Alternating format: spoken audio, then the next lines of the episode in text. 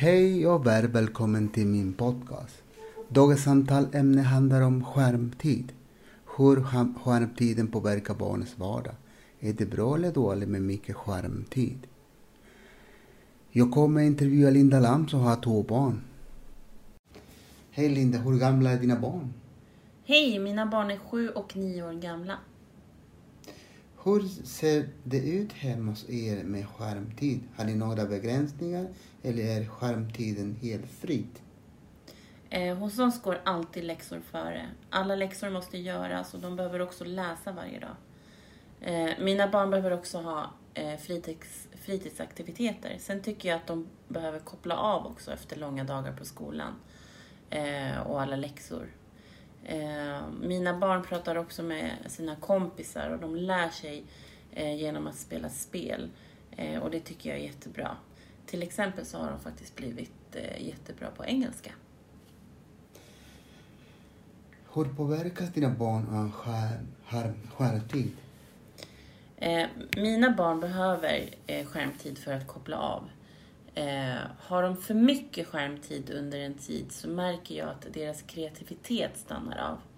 Plötsligt så vet de inte vad de ska göra eller så tycker de att allt annat är tråkigt. Tycker du allt fler ska begränsa skärmtiden hos barn?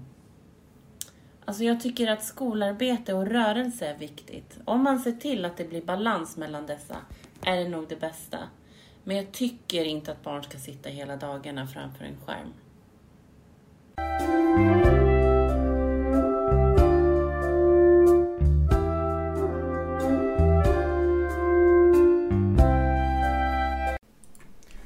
Ja, nu är vi tillbaka till podden. Vi har precis hört Linda berätta om hur det ser ut med skärmtid hemma hos henne och hennes barn.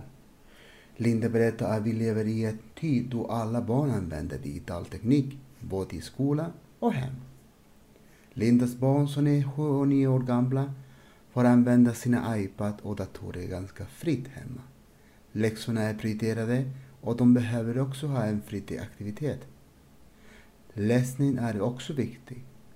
Däremellan tycker Linda att barnen behöver lite avkoppling efter långa skoldagar och läxarbete.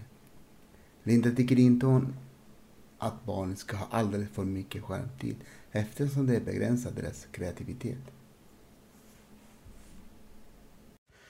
I nästa avsnitt kommer vi att prata om skärmtid för oss vuxna. Tack för att ni lyssnat.